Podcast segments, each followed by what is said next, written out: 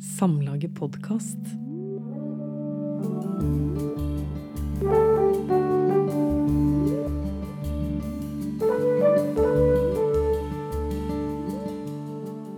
Velkommen til Samlagets podkast, Agnes Ravatn. Tusen hjertelig takk. Kjekt å ha deg her. Vi sitter altså i, eh, på Litteraturhuset i Bergen. eh, på et lite, hvitt studio. Og her skal vi snakke om eh, romanen 'Gjestene'. Og Agnes Ravatn er jo kjent for de fleste, men en kort presentasjon er likevel på sin plass. Og du debuterte med romanen 'Veke 53' i 2007. En roman som er kjent for åpningssetninga 'En gang hadde jeg ambisjoner'. Og litt flere ting, da, men den er spesielt kjent for det. Seinere har du jobba både som journalist, sakprosaist og skjønnlitterær forfatter. Og dramatiker. Og ettersom vi i dag skal snakke om en ny roman, så nøyer jeg meg med å ramse opp romanene dine, nemlig 'Fugletribunalet' fra 2013 og 'De sju dørene' fra 2019. Og nå er du altså aktuell med romanen 'Gjestene', som vi skal presentere og snakke om. Og da vil jeg gjerne at du starter med å lese et lite utdrag fra romanen om Karin, som ufrivillig har lånt ei hytte, og som her er på spasertur og kommer inn på naboens eiendom. Ja, det skal jeg gjøre. Jeg begynner nå. Han hadde solbrune, hårete legger og utvaska rød shorts på grensa til rosa. Ei grå T-skjorte og et nokså værbitt ansikt, under lett gråsprengde mørke lokker. Han sto urørlig, utenom sveivinga, observerte at jeg nærma meg uten å se på meg. Jeg runda enda et berg, og nå åpna landsida seg mot meg, og jeg skjønte at mannen slett ikke sto på berg, men på ei lita steinbrygge. Ei okergul eldre hytte kom til syne bak han, ei femtitallshytte med hvite karmer, en grønn plen, hvite hagemøbler i skyggen av et svært tre, et uthus i samme farge som hytta, et heilt lite rike. Og jeg stansa på ny. Privat grunn, sa mannen. Heilt enkelt, nærmest ut av munnviken. Unnskyld, datt det ut av meg, sjøl om jeg hadde hørt det. Privat grunn, gjentok han, tydeligere nå, og irritert. Og kroppen min ville at jeg skulle beklage servilt, snu meg og forsvinne, men samtidig, hva måte var dette å behandle et menneske på? Et medmenneske, et eksemplar av samme art, i samme land, på samme berg? Din nærmeste hyttenabo i nord nordøstlig retning behandler meg som uønskt biomasse som straks måtte fjernes, og i stedet for å krype tilbake, flau og nedstemt, trekte jeg pusten og hørte meg sjøl sie, kvikt og opplagt, Nå, får du noe? Ja. Eh, og den som forteller her, det er Karin. Hvem er Karin? Karin er ei gift tobarnsmor på uh, 41 år. Hun er, hun er utdanna jurist og ansatt i Nittedal kommune i en nokså sånn unnselig stilling. Hun har uh, i nesten ti år vært ansatt som rådgiver og arbeidet med kvalitetsutvikling og internkontroll. Noe hun eh, føler seg både under- og overkvalifisert for på samme tid. Og i likhet med eh, den åpningssetningen eh, i veke 53, som du nevnte i stad, så, så har hun òg hatt større ambisjoner på et tidspunkt, men så har hun jekka de stadig lenger ned. Mm. Eh, for hun- er en type som er, hun er forsiktig og ordentlig på utsida, men uh, bakser med mye på innsida. Mm. Nettopp. Ja. Uh, en gang hadde hun ambisjoner. Uh, og hun er gift med en som heter Kai. Uh, og han er med på denne eh, hytteturen eh, for å bygge ei brygge. Og hva slags fyr er han? Ja, Kai, han er sånn grunnleggende sett så er han Karin sin eh, rake motsetning. Og de deler en del ting. De deler f.eks. Uh, humor og uh, begeistring for hverandre og, og uh, sånn generelt uh, verdenssyn, kan jeg kanskje si. Men, men der Karin er prega av uh, en sånn løpende sjølgransking, så er Kai en stødig og trygg og lun type. Han er tømrer av yrke. Det er derfor altså, Det er derfor han bygger er derfor. Han bygger Ja. en brygge. Mm. Eh, Han er òg min andre tømrer som mannlig pers biperson på tre romaner. Jeg vet ikke helt hva det eh, betyr. Men hele poenget for Karin, det var å velge noen som var helt motsatt av henne sjøl Mm. på akkurat dette punktet, det som dreier seg om eh, sånn eh, intern eh, intern rev- eh, Psykologisk internrevisjon, kan jeg kanskje kalle det. Mm. Hun sier at det siste hun ønsker for sine avkom, er to som henne. Mm.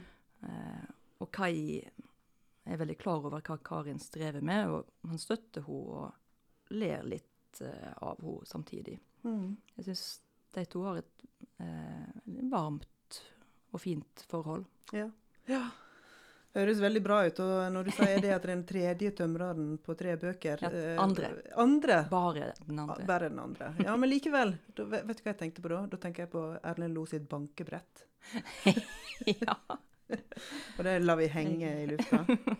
Um, vi må òg introdusere hytta de har da ufrivillig fått låne. Hva slags hytte er det?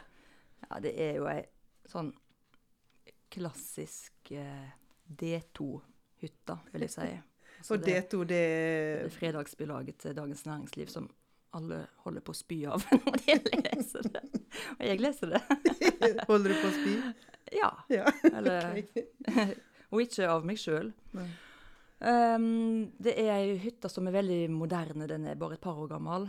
Tegna av Snøhetta. Det er sånn perfekt bygd inn i landskapet. Kledd i grånende malmfuru og fylt til randen innvendig. Eller minimalistisk fylt til randen av, av kostbare eh, skandinaviske interiørartikler. Og det som Karin omtaler som moderne kunst, fordi hun erkjenner at hun ikke har bedre greier på det. Så det er helt utsøkt uh, hytte på alle vis. Den er ikke prangende eller latterlig, sånn som uh, Sånn som eksempel, hvis du husker det, Kurt Nilsen Ja, som ja. bygde seg hytta. Forma som en gitar. Ja. Ja. Denne hytta er ikke sånn. Den er bare utsøkt. Mm. Eh, og det plager Karin langt mer enn om det hadde vært ei sånn bløtkakeaktig, idiotisk hytte. Mm.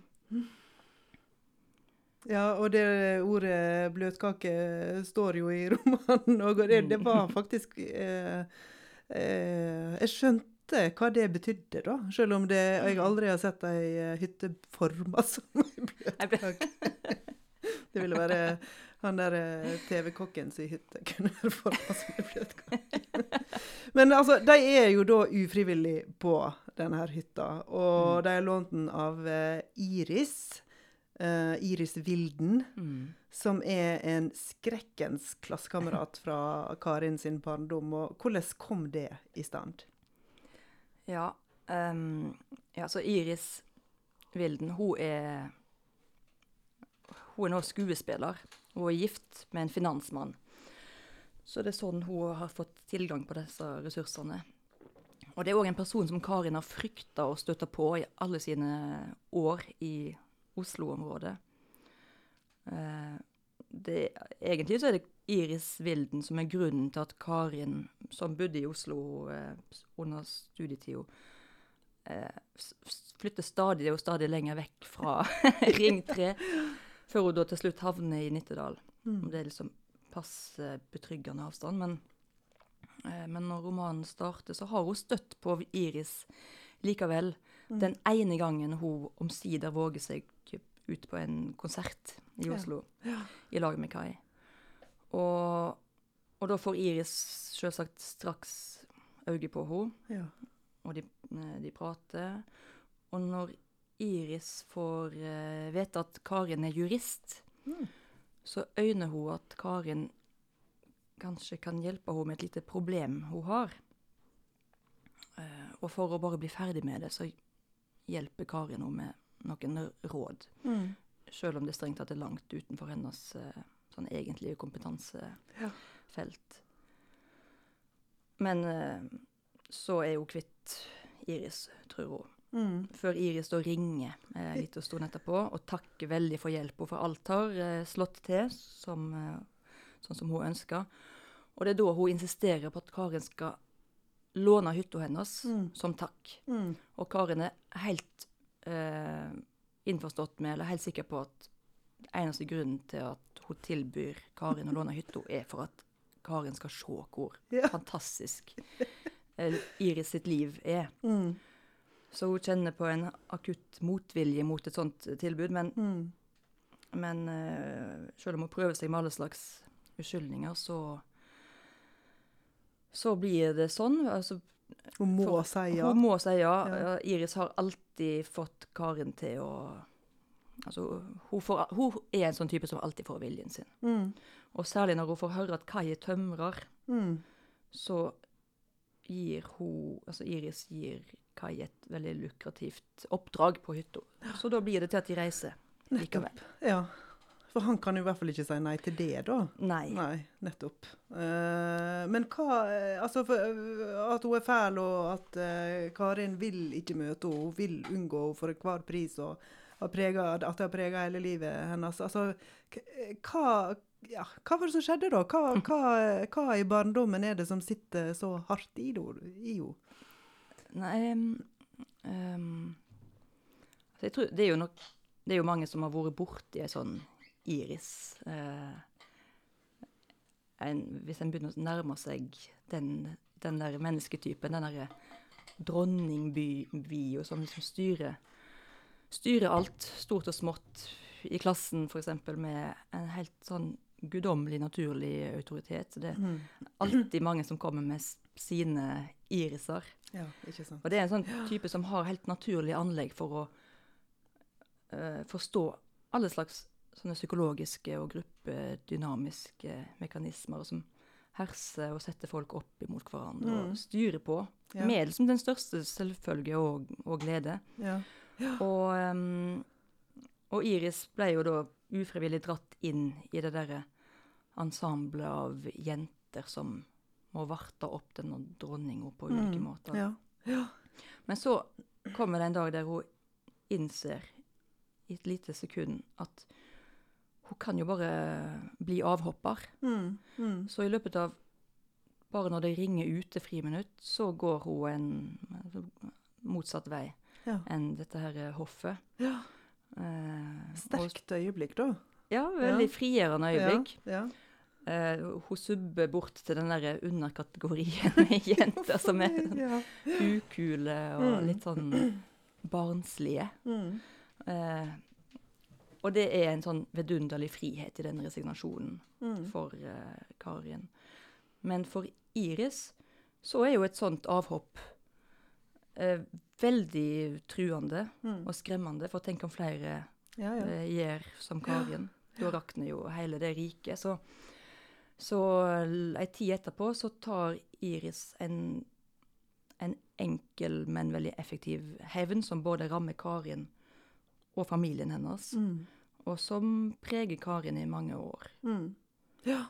Men vi skal ikke røpe akkurat hva som skjer. Nei, eller Nei. det er ikke så viktig Jo, akkurat vi hva som skjer. Det er, det er noe, vi må ha noen hemmeligheter. Men jeg tror altså Karin er jo fortsatt, når vi møter henne i romanen på nåtidsstadiet, så, så er jo, jo hun veldig sånn forbløffa og skuffa over å erkjenne at denne her forferdelige Mm. eh, bipersonen fra fortida fortsatt har et så sterkt grep. Og Karin har jo Hun har etablert sitt eget liv eh, som er et helt fint eh, liv. Mm. Med familie og heim og jobb, og alt er bra. Og så så, så er det veldig nedslående, da, Ja. å erfare at at den der personen som kommer tilbake og inn fra sidelinja Det skal ikke mer til enn det Nei. så er hele det forsvarsverket liksom pulverisert, oppleves det som. Mm. Ja, det er kanskje litt sterkt sagt, men hun Hun, eh, hun ser veldig tydelig at, eh, at hun er ikke så Altså, hun blir skuffa over hvor lite robust Mm. eh, hun er som voksen person. Ja. Eller hvor nær den der forbindelsen til det såra i oppveksten og ungdommen Eller hvor nær den forbindelsen er, hvor, eller hvor kort ja, ja. det er. Ja. Men hun høres jo ut som en uh, sosiopat eller en, eh, en liten psykopat. Ja, det er vel kanskje det de er, da. Altså, men, de, Ja. men, um, men de er jo Det er nesten altså, Det er liksom alltid Det er ei i hver klasse, Mm. Mm. er mitt inntrykk. Ja. Eh, Så det er en sånn, eh, en, bare en sånn arketyp som noen eh, Noen skal ha den rolla ja, i et sånt, eh, i en sånn gruppe som en klasse. I en sånn en, gruppe som du faktisk ikke kan bryte ut av. Du er bare, bare sperra inne i, i en klasse. Det er jo veldig nådeløst. Ja, det er nådeløst. Og mine unger eh, har eh, I sommer så har de eh, forklart oss hvordan vi kan avsløre en eh, sosiopat. Wow. Ja. Få høre. Alle som liker pistasjeis, er sosiopater. Vet du hva, jeg er helt enig, og jeg liker det ikke. Nei! Jeg, liker det, da. Ja, nemlig. Ja. Så Det det gir mening, det. Ja, det gir mening. For meg. Um, men nå har du jo uh... En, slepp, en trenger jo ikke bruke penger på alle de der uh, bøkene og uh, omgitt av psykopater og sånn. Det er jo bare Liker du- lysegrønn is. Ja, Ja. da er du Ryk og reis. Ikke sant. altså, Karin, eh, som eh, ikke liker pistasjeis, får vi tro. Eh, Ja. Hun er en eh, karakter som ser eh, kjenslene sine, eller følelsene sine, utafra, nesten samtidig som hun føler dem. Og jeg lurer på om du Ja. kan lese eh, fra side 28, fra brått og ut sida. Ja, det kan jeg. Brått var det som om jeg ikke kunne komme meg raskt nok vekk, og jeg trampa ned de støypte trappetrinna. Betong betalt med blod, tenkte jeg. Men blod var å overdrive. Betong betalt med folks ibuende frykt for å havne sammen med folk som ikke likna dem, Frykt for å havne i en malstrøm av sosioøkonomisk armod. Ned til kai, rasende over at Iris Wilden hadde greid å få det til å virke sjenerøst og la stakkars vesle meg og stakkars vesle Kai få bo her i ei veke. Ei veke? Hva i alle dager skulle vi finne på her? Ei heil veke? Blei ytterligere provosert da jeg så at trappene ikke stansa på land som vanlige trapper, men gikk ned i sjøen, under vann, og Kai som sto svett med et kubein, stansa i arbeidet. Har de demt opp hele Skagerrak for å få bygd disse jævla trappene, eller? ropte jeg, og Kai så spørrende på meg. Hva er det? sa han. Ingenting, sa jeg, for her kunne jeg ikke vinne, ikke mot folk som trassa vanlige naturlover når de skulle lage trapper, og med blikket mot de skinnende hvite båtene som farta fram og tilbake i dette sommerparadiset, prøvde jeg å vinne att kontrollen. Riste av meg Iris og sjakalen hun var gift med. Hvorfor skulle jeg frivillig la de har makt over meg? Hvorfor skulle jeg så mye som tenke på de, når jeg ikke engang ville tenke på de? Med tankens kraft kan jeg gjøre de ubetydelige, tenkte jeg. Jeg har gjort det før. Rett og slett ubetydelige. Ja, men eh, det klarer hun jo ikke så masse, kan Neida, vi, kan vi røpe.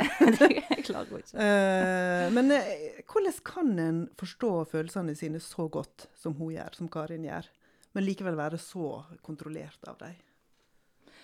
Ja, det er i alle fall noe jeg kjenner, kjenner meg veldig godt igjen i. Mm.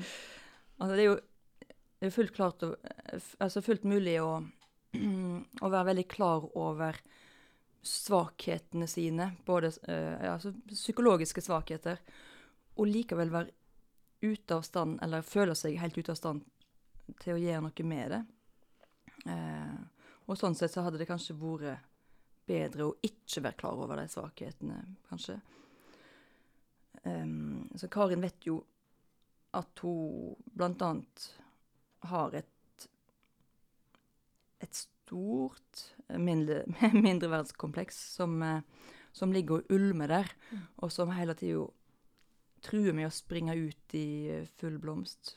Uten at det er så veldig mye å gjøre med det. Mm. Så hun har, eh, hun- har stor sjølinnsikt. Altså hun er til en viss grad belemra med stor sjølinnsikt. Men òg innsikt i hvor vanskelig det er å endre seg sjøl. Mm. Og den derre eh, Blant annet det mindreverdighetskomplekset. Det, det oppleves som så fundamentalt. Mm. Og, eh, men altså, vet, hva, hva tenker du da? Det, altså, I hva grad er det egentlig mulig å endre sånne ting som virker helt sånn støypt fast? Mm. Nei, det går jo an å undertrykke følelsene sine.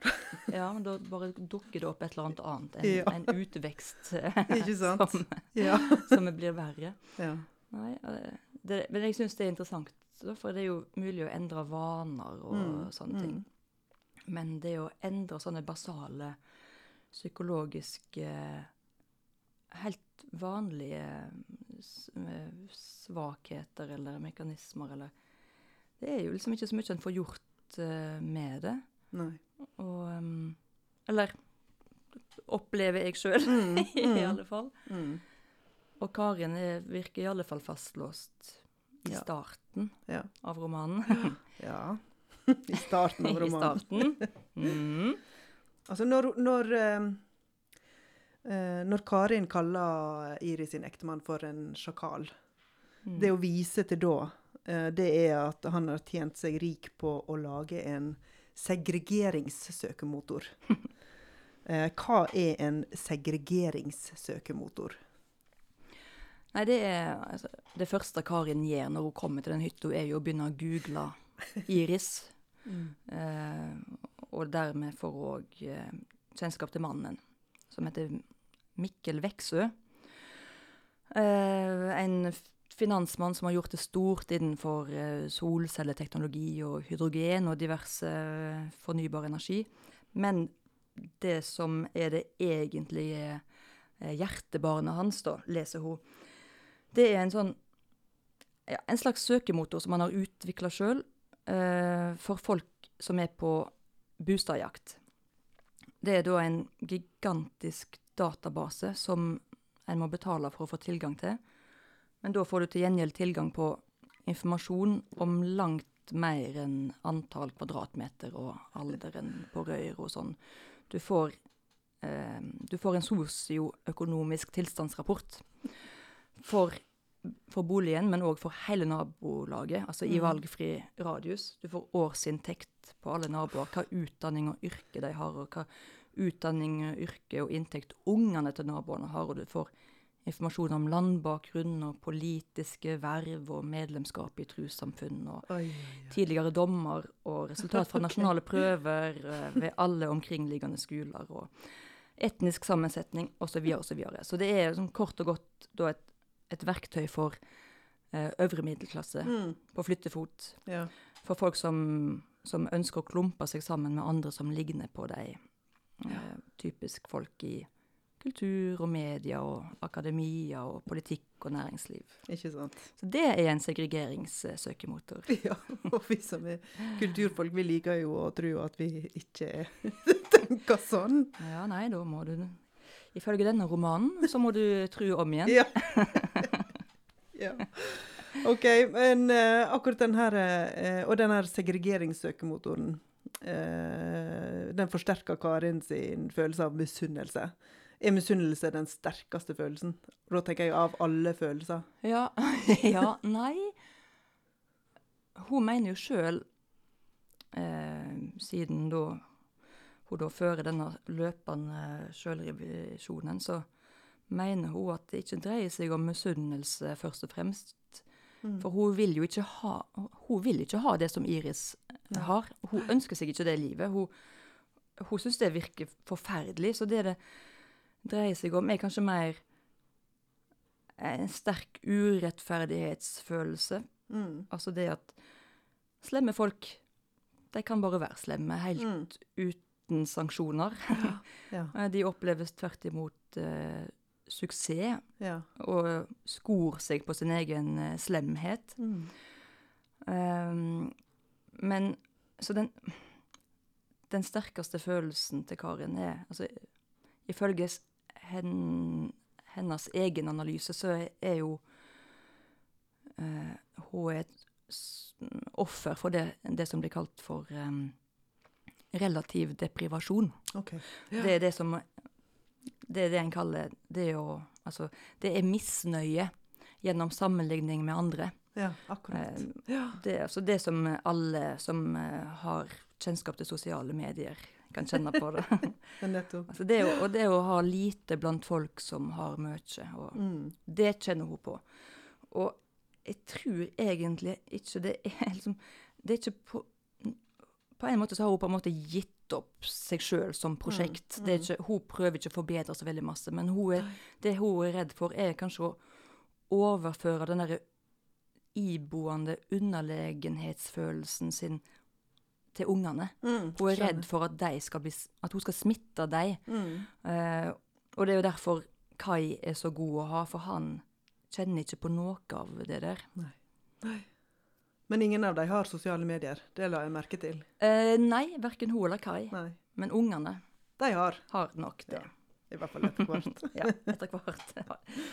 Eh, men en ting som vi uh, hoppa litt over eh, tidligere, eh, det var det du las Det første utdraget du las, der eh, eh, hun møter Der Karin møter en fyr som eh, sier ut av munnviken på en ufyselig måte 'privat grunn'.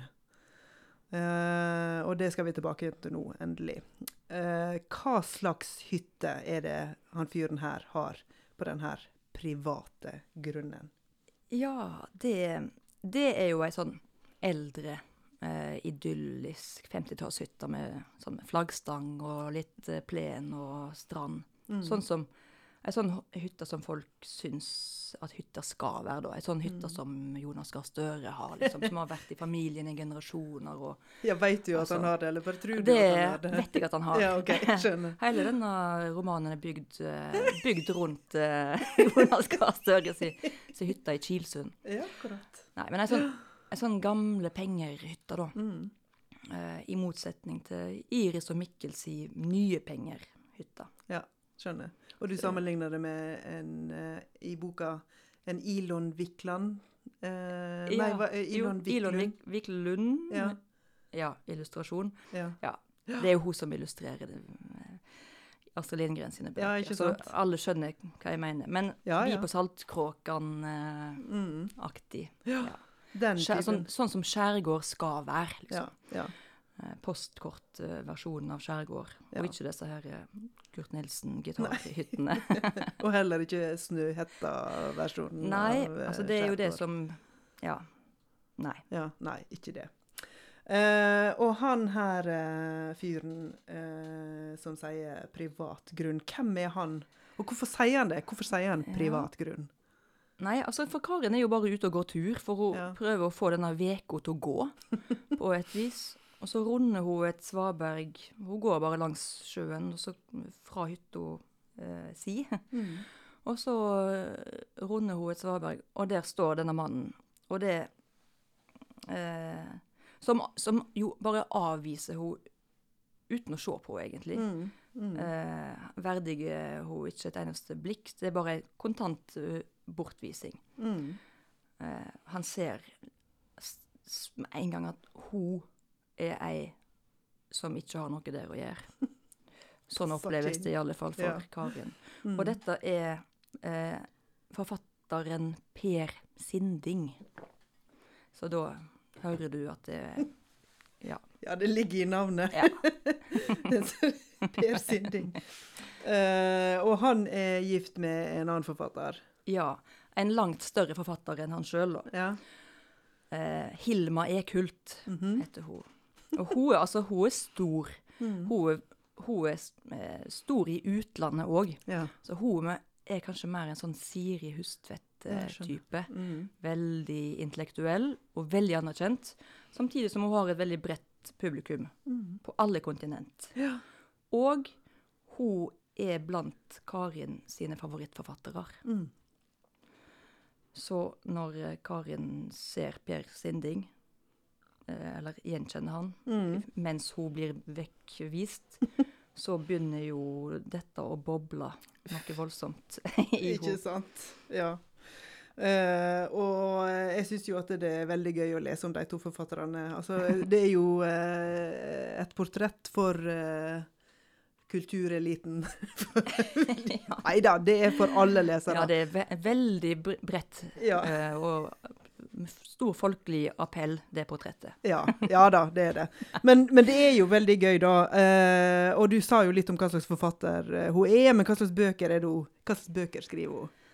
Ja, ifølge Karin så skriver Hilma Ekult en slags eh, ibsenske kammerdrama.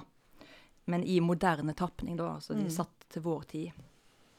Og de, de er alltid fra liksom, de øverste divisjonene i samfunnet. Så det, eh, hovedpersonene er alltid arkitekter og departementsråd og direktører ved store kunstmuseum og den slags. Og så skriver hun romaner um, med ei språkføring som ifølge Karin appellerer til liksom, den sofistikerte pannelappen, mens hun på samme tid smir intriger og avdekker løgner og sånn. Eh, så, sånne ting som mer appellerer til de primitive delene Mm. av hjernen, og det er sånn Karin forklarer eh, Hilma Ekult sin store suksess. Ja, ikke sant? Og det høres ut som om eh, du beskriver en forfatter som skriver sånne bøker som du skriver. er, det et, eh, er det et skjult sjølportrett? Uh, nei, det er det faktisk, faktisk ikke. Men uh, ja, eller Jeg er jo òg veldig glad i, i um, intriger Ja, og ja. hemmeligheter og avsløringer og sånn. Altså det, jeg merker jo at jeg veldig gjerne skulle ha le Jeg, jeg har lyst til å lese Hilma Ekult sine romaner. Ja. uh, altså så internasjonalt anerkjent som hun er, så må det jo være bra. Mm. Um, men det er nok ikke et eh, Det, det er ikke tenkt som et sjølportrett. Det, et- det er et ønskesjølportrett. Ja, kanskje det. ja. Men når vi møter henne, så har hun altså ikke gitt ut noe på sju Nei. år. Nei. Så det har jo skjedd et eller annet eh, Ja. som har fått Hilma Ekult toget til å spore av. Nettopp. Ja, sju år er litt lenge. Det er litt lenge. Litt lenge, ja. Hilma Ekult. Mm. Eh, ikke et sjølportrett. Men eh, hvordan framstiller Hilma Ekult seg offentlig? Iallfall før de siste sju åra, da, når hun ikke har Mm. gitt ut noe. Hvordan har hun framstilt seg offentlig? Hun er jo enormt beherska. Eh, og gjennomtenkt når hun gir intervju, da. Eh, kontrollert. Eh, og så siterer hun alltid store tenkere. Hun er som en klassisk intellektuell. Mm. Og, eh, og så er hun klart elitistisk. Mm. Men, Mm. men uten Altså, men ektefølt. Altså, Ja. hun er Hun tilhører jo en, en sånn tenkende elite, så det er nå for så vidt uh, greit nok. Mm. Mm. Ja. Og det var alt du hadde å si om Hva syns du? Hva, ja. Nei, men uh, Ikke sant. Ja, men, men, men det som jeg var uh, litt interessert i, det var jo det der eh, at hun sier om seg sjøl i intervjuet at hun var så lidende som barn. ja. Og det var litt eh, altså For du skriver at både hun og Per Sinding eh, er liksom noen sånne typer som eh, lider, og at liksom lidelsen, det å oppleve lidelse eller forstå lidelse, at det er liksom et sånt slags eh, Et adelsmerke. Ja. ja. Ja, det, altså det er jo veldig eh, Det klarer hun alltid å, å på en måte å eh, lure inn, eller sniker inn i alle intervjuer hun gjør. For hun gjør som Mm. regel alle disse intervjuene, sånne store portrettintervju på sommeren rett før hun skal gi ut en roman. ja. Og da er hun på den hytta. Da er hun på den hytta, Ja. og alt er helt perfekt. eh, så sniker hun alltid inn en, en eh, sånn liten setning om at når hun var barn, så pleide hun å ligge på brygga og stirre sånn, helt sånn forheksa ned i, i dypet. Da, Mm. og kjenne på denne angsten eh, sin. Så hun, hun er veldig ø, opptatt av å få fram at hun er ikke bare en, eh, en intellektuell, hun har òg en, en stor ø, eksistensiell dimensjon. Ja, ikke sant. Ja. Åh, Ja. noe som vi to vestlendinger selvfølgelig Vet syns alt om. Uh, ja. OK, ja, veit alt om. Jeg skulle si syns var litt jålete, da, men eh, De er jo veldig jålete. Ja. Og eh, Per er mest jålete, for han har mest å bevise. For han er, Ja. han er jo minst anerkjent av de to. Så hun burde ikke trenge å eh, Nei. holde på på den måten, for hun har jo all anerkjennelse i verden. mm. Mens Per er jo langt mer uh, tilgjort i sin væremåte og strever med å uh, Ja, strever med å nå kona opp til støvlene. Ja, nettopp. Uh, ja, og det eh, De møter jo uh, hverandre på båttur da, seinere. Ja. og du har, beskrevet du har jo nå òg beskrevet henne som ei slags isdronning. Mm. Og hun framstår totalt uinteressert i Kai og Karin. Men likevel så blir de invitert på krabbelunsj og sier ja til det. Eh, og det er vel egentlig en krabbelunsj fra helvete. Veldig viktig for meg da å presisere at det er sjøkreps. Ja, ja! Uff a meg for ei slurvete lesing. Ah. Nei, nei, nei. Ja, altså, det er jo en Der ser du hvor krabbelunsj. masse Nei, det er en D2 sånn ja, ja, Jeg leser aldri Ingen D2. som spiser Neida. krabbe i D2. Nei, unnskyld. Unnskyld, jeg avbrøt deg. Ja, altså eh, Det er en eh, sjø... Nå må vi ikke blande snøkrabbe og sjøkreps. Nei. Men eh, det er jo en, en lunsj fra helvete, kanskje mest for Per. Mm. Fordi uh, for Karin så er den lunsjen et slags første steg ut i friheten. Mm. Fordi hun har Altså, hun har ikke bare antyda. Hun starter med å antyde at den snøhetta hytta er deres. Ja. Hun, eh, altså, hun og Kai si hytte. Ja. Dermed så må de jo naturlig nok være veldig bemidla. Mm. Og på den båtturen eh, der de møtes, Hilma og Per, Kai og Karin, så, så improviserer de fram eh, På spørsmål om hvem, hvem de er og hva de driver med, så improviserer de fram hver sin historie om hvor disse store midlene kommer fra. Eh, så Kai eh, plumper uti med at han er eh, han, er, han har bakgrunn fra kraftspekulasjon. Mens Karin, da, når hun blir pressa, så forteller hun om denne her segregeringsmaskinen Mm. så, som om det er hun som står bak den. Mm. Og når hun først, når hun først står fram som en sånn helt skruppelløs gründer, Ja. Eh, uten moralske kvaler Når hun bare tar den rolla, så, så, så da er det gjort, på en måte. Da fyller hun bare den uten forbehold eh, resten av Ja. eh, Altså, for, for til sin overraskelse så ser hun at at Per og Hilma kanskje får en slags Eller de får en respekt Mm. eh, og nysgjerrighet for disse to styrtrike rovkapitalistene, Mm, som de da er. Uh, og det er derfor de blir invitert på sjøkreps, fordi de uh, uh, Fordi de er skruppelløse rovkapitalister, ikke på tross av. Mm. Og det blir en slags sånn um, Ja, det blir en oppdagelse for Karin. Og den, Mm. så i den krabbelunsjen så, så Nei, sjøkreps. Ja. Oi, oi, nå, ja, nå smitter det over på meg. Var min Så- feil. Mm. Så um, Ja, så, så oppfører Karin seg egentlig helt suveren. Hun får, en, Mm. hun får et veldig overskudd og en sånn letthet og eleganse. Hun, hun ja. turnerer sin rolle veldig fint. Og Kai er jo den Han er jo typen til å slippe unna med alt, så, så for han er det eh, bare Alt er enkelt for han. Mm. Det eneste de gjør av forberedelser før den lunsjen, er at Karin finner en YouTube-video der det blir demonstrert i detalj hvordan en eter sjøkreps. uh, men uh, men det, uh, altså, det som skjer, er at hun begynner å like den der gründeren som hun gestalter. Hun liker Mm. henne bedre enn seg sjøl. Akkurat. Ja. Um, mens mens Per eh, er den som får det verst. Mm. Nettopp. For det, altså, Hilma hun spiller nå ut denne isdronningrollen sin, men med noen små sprekker innimellom. Mens Per er den som havner liksom lengst ned på rangstigen i det hierarkiet. I det, denne parlunsjen. Så, Ja. så det er verst, verst for han. Ja. Ja.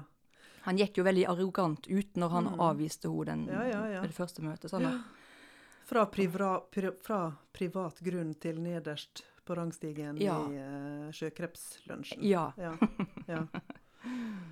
Uh, OK. Uh, og etter den her sjøkrepslunsjen Mm, bra. Ja. ja, men vet du hva som òg slår meg når du eh, sier at de ser på YouTube for å lære seg hvordan de skal ete, eh, ete sjøkreps? Før var det jo en sånn der, eh, nærmest litterær eh, trope eh, at hvis du kom fra en ned nedre klasse, eller en annen klasse enn overklassen, og skulle prøve å ete middag sammen med overklassen, Ja. så ble du forvirra over at det lå så masse kniver og Mm. på hver side. Ja. Eh, Men nå vet jo alle at du skal begynne ytterst. ja. ja. Så nå har en funnet på noe nytt. Ja. Eh. Hvordan skal du ete Hva skal en ikke ete på sjøkrepsen? Ja, ikke sant? Ja. Eh, Men i hvert fall, eh, etter denne sjøkrepslunsjen, som er fra helvete, eh, syns jeg, Ja. når jeg leser det. Men Jeg syns den er fra himmelen. Ja, ikke sant? Men det er i hvert fall veldig gøy å lese. Gøy og ekkel å lese. Ja. Eh, da kommer Per eh, over til Snøhetta-hytta Mm. eh, og ber Karin om hun kan lese Hilma sitt nye manus, altså etter eh, sju års eh, tørke, skrivetørke. Mm. Men hvordan skal Karin kunne være kompetent til å lese og vurdere et sånt manus? ja, nei, det um, Det er jo et naturlig spørsmål. Jeg tror det oppstår en sånn idé om at um, Altså, Hilma si, sin skrivetørke at Den dreier seg nok kanskje om Altså, av, en eller annen grunn så har, så har Altså, hun stiller veldig høye krav til seg sjøl som forfatter. Mm. Hun blir bare hylla. Altså, forfatterskapet hennes blir bare hylla av, av lesere og av kritikere og av kolleger og alle.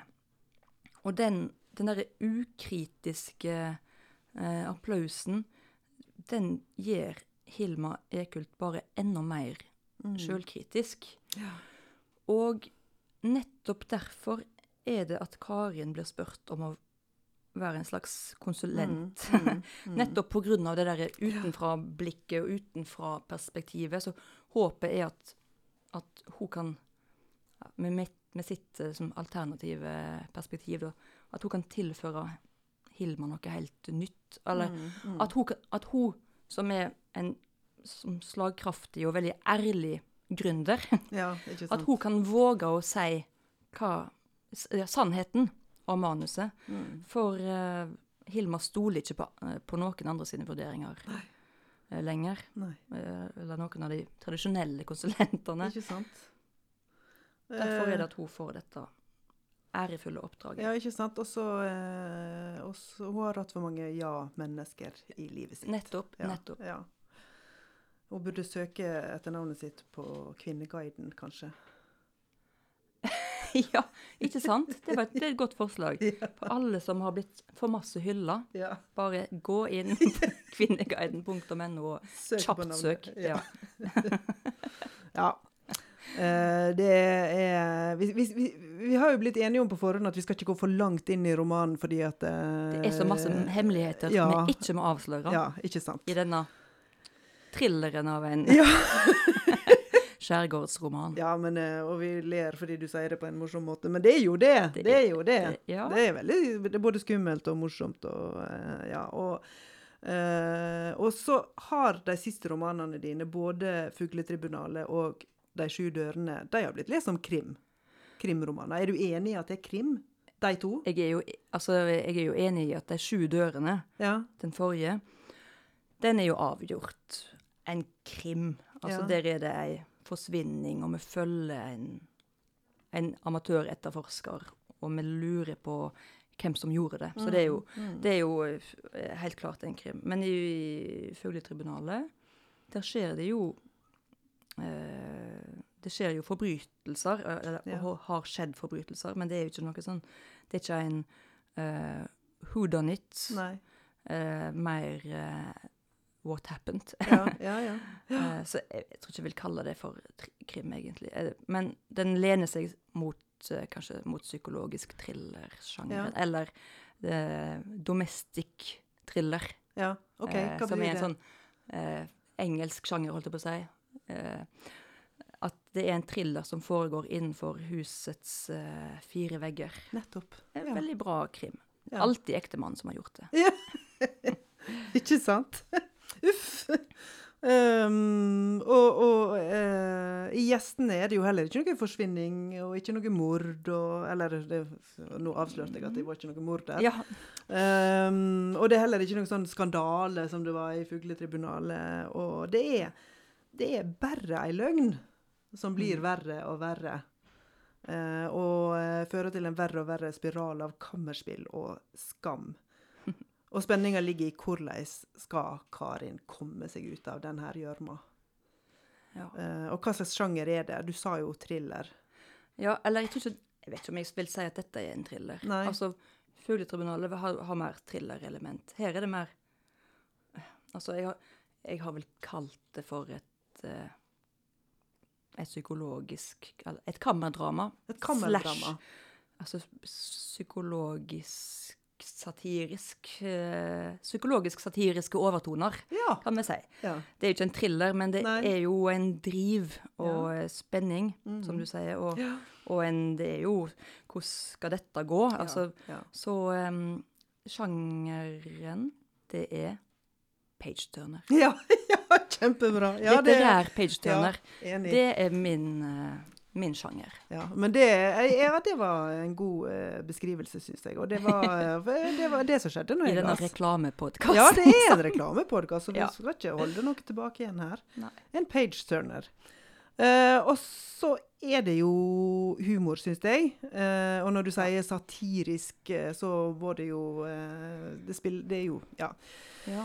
Eh, og det er humor i De sju dørene og i Fugletribunalet og, og i Gjestene. Eh, og jeg har tenkt at det først og fremst ligger i formuleringene og i overdrivelsene. Mm. Eh, og er det meninga at det skal være morsomt? ja, det er meninga at, at formuleringene skal være morsomme. Altså noen av de. Og at sjølrefleksjonene skal være morsomme. helst fordi de er gjenkjennelige, da. Ja, ja. Um, og Karin har jo òg et sånt lett negativt, men òg sjølironisk tankemønster som, som er en sånn eh, melankolsk kvalitet som jeg Mm. syns er veldig nært knytta opp til humor. Men jeg, det, det jeg ikke vil, er at humoren skal stikke hull Mm. på det som er meint å være alvorlig. Det er jo alltid en balansegang og en fare ved det. Men, eh, eh, men helt klart, det er Altså det er, Romanen er jo litt karikert. Mm. Uh, ikke for masse, men, men litt uh, Altså, ikke for masse, ifølge meg, da. Nei, den er ikke for masse karikert. Men det er jo Altså, jeg las Jeg tror det var noen som skrev eller sa at uh, romaner er livet, Mm. bare påkobla en forsterker. Mm. Og det Altså, jeg har jo heller ikke lyst til å bare lese en avskrift fra livet. Nei. Romaner må være Det må være litt uh, forstørra eller litt forsterka. Mm. Ja, så, så, og humoren Eller karikatur. Altså, karikatur blir liksom litt for Men det er jo noen ting som ikke er helt vanlig Mm, oppførsel mm. i denne romanen. Ja. Men jeg håper det skal være logisk og naturlig innenfor eh, eh, den eh, det, det eh, nettet av Mm. løgner som de driver og spinner Mm. Mm. rundt seg. Ja. Jeg eh, tenkte på bussen bort her.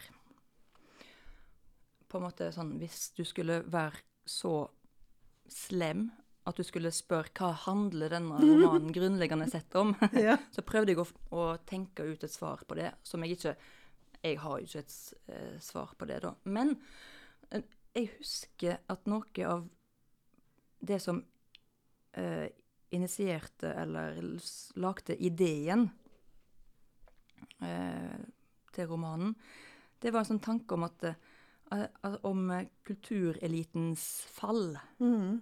Mm. For ehm, Altså, kultureliten i dag, det er jo altså For det første da, så, så er ikke det ehm, Det er jo ikke forfatterne og kunstnerne som utgjør kultureliten. Det er jo sjefene deres. Altså, det er jo Mm. direktørene og toppene. Mens jeg oppfatter oss forfattere mer som sånn maskotter for en bransje. Mm. Og, for vi bestemmer jo veldig lite. Og altså, det eneste vi bestemmer, er hva som skal stå i bøkene våre. Ja. Så vi- Fram til nå disse toppene setter inn sensitivitetslesere på oss, da.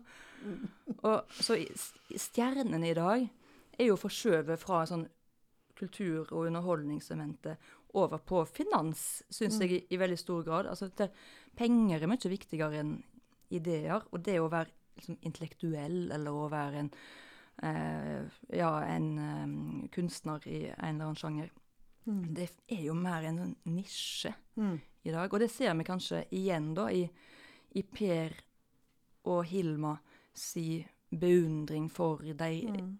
For beundring for rikdom, Mm. som jeg syns var liksom interessant. Og, eh, det, det der med at elitene liksom klumper seg sammen, som det blir eh, nevnt i, i, i et segment, er, det syns jeg er det er så interessant å se. For eksempel, jeg, eh, nå blir det sånn eh, bablemonolog tydeligvis fra min side, Ja. men eh, av uh, ulike årsaker så, så la jeg Jens Stoltenberg eh, sin biografi Ja. på min bryllupsnatt. Oi da! Spennende. Ja. Ja. Og, og det som er sånn eh, Jeg vet ikke om jeg kan si at jeg blir provosert av det, men jeg bare ser at allerede de, sånn, de som han omgjekkes i barneskolealder, Mm. er i dag finanstopper og Altså, de er, de, du finner det igjen i alle slags toppstillinger innenfor politikk og næringsliv. Og det samme med Jonas Gahr Støre. Jeg har Mm, mm. lest hans uh, Oi, oi, oi, oi. uautoriserte biografi. Dette er det du driver med. ja, når jeg gifter meg. Ja.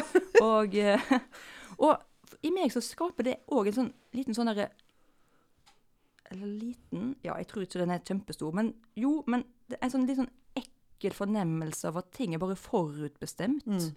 Og at det er Nå høres jeg jo litt sånn konspiratorisk ja, litt av sånn der Nå sånn, er det eh, ja. strømpriser men, men at Ja. ting er bare bestemt Ja. på forhånd, og at, at vi bare Vi som for eksempel er forfattere, vi som bare leker med et eller annet, mens det Ja. har ingenting med, med viktige ting Eller ja, det, dette blir litt rørete, men Nei, nei, dette, vi får et bankebrett i hånda. Ja, vi får et bankebrett. eh, Mens de sitter i. QAnon-kjelleren og Nei da, men, men, men jeg skjønner hva du mener. Ja.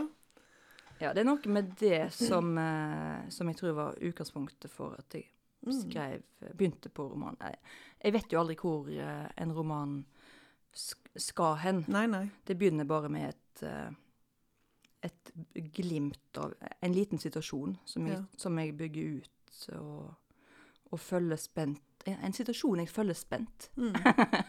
Men er det da eh, var, det, var det privat grunn som var den situasjonen? Nei, hvis jeg skal Altså, når jeg eh, Når jeg ikke skriver, når jeg går rundt og holder på med andre ting, så, så har jeg en sånn pågående fantasi, eller dagdrøm. Altså, jeg går og finner på ting hele tida. Ja. Ting som ikke kan brukes til noe, da, men Mm. bare fantasere om helt sånn Helt realistisk Altså, det er det som er med mine dagdrømmer, er at de er nesten fullstendig realistiske. Så de er litt kjedelige. Så kjedelige dagdrømmer der jeg så- altså bare finner på samtaler som jeg snart skal ha, f.eks. Ja. med noen. Men eh, som en sånn eh, bonus til de som fortsatt hører på denne podkasten, så kan jeg avsløre da at um, det, det som eh, var starten på denne romanen, det var at jeg sto og lagde julemiddag. eh, pinnekjøtt. Og mens jeg og, og når jeg lager mat, det er typisk sånn situasjon der, jeg, der de, dag, de realistiske dagdrømmene eh, pågår for fullt. Og da hadde jeg hatt et bidrag den, altså, til juleroser. Ja. det, juleheftet julehefte som Samlaget gir ut. Mm. Og så der Herborg Kråkevik er redaktør. Og mens jeg sto der og lagde mat, så, eh, så begynte jeg da å tenke sånn åh, nå kommer jeg sikkert til å og Nå er jo hun så takknemlig for den teksten, så da kommer jo hun garantert til å invitere meg, altså spørre om jeg har lyst til å låne hytta hennes.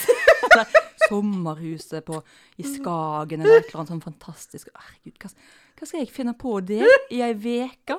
Hvorfor skal jeg ha glede av det? Eller hvorfor Ja. tror hun at jeg skal, at jeg skal være noe kjekt?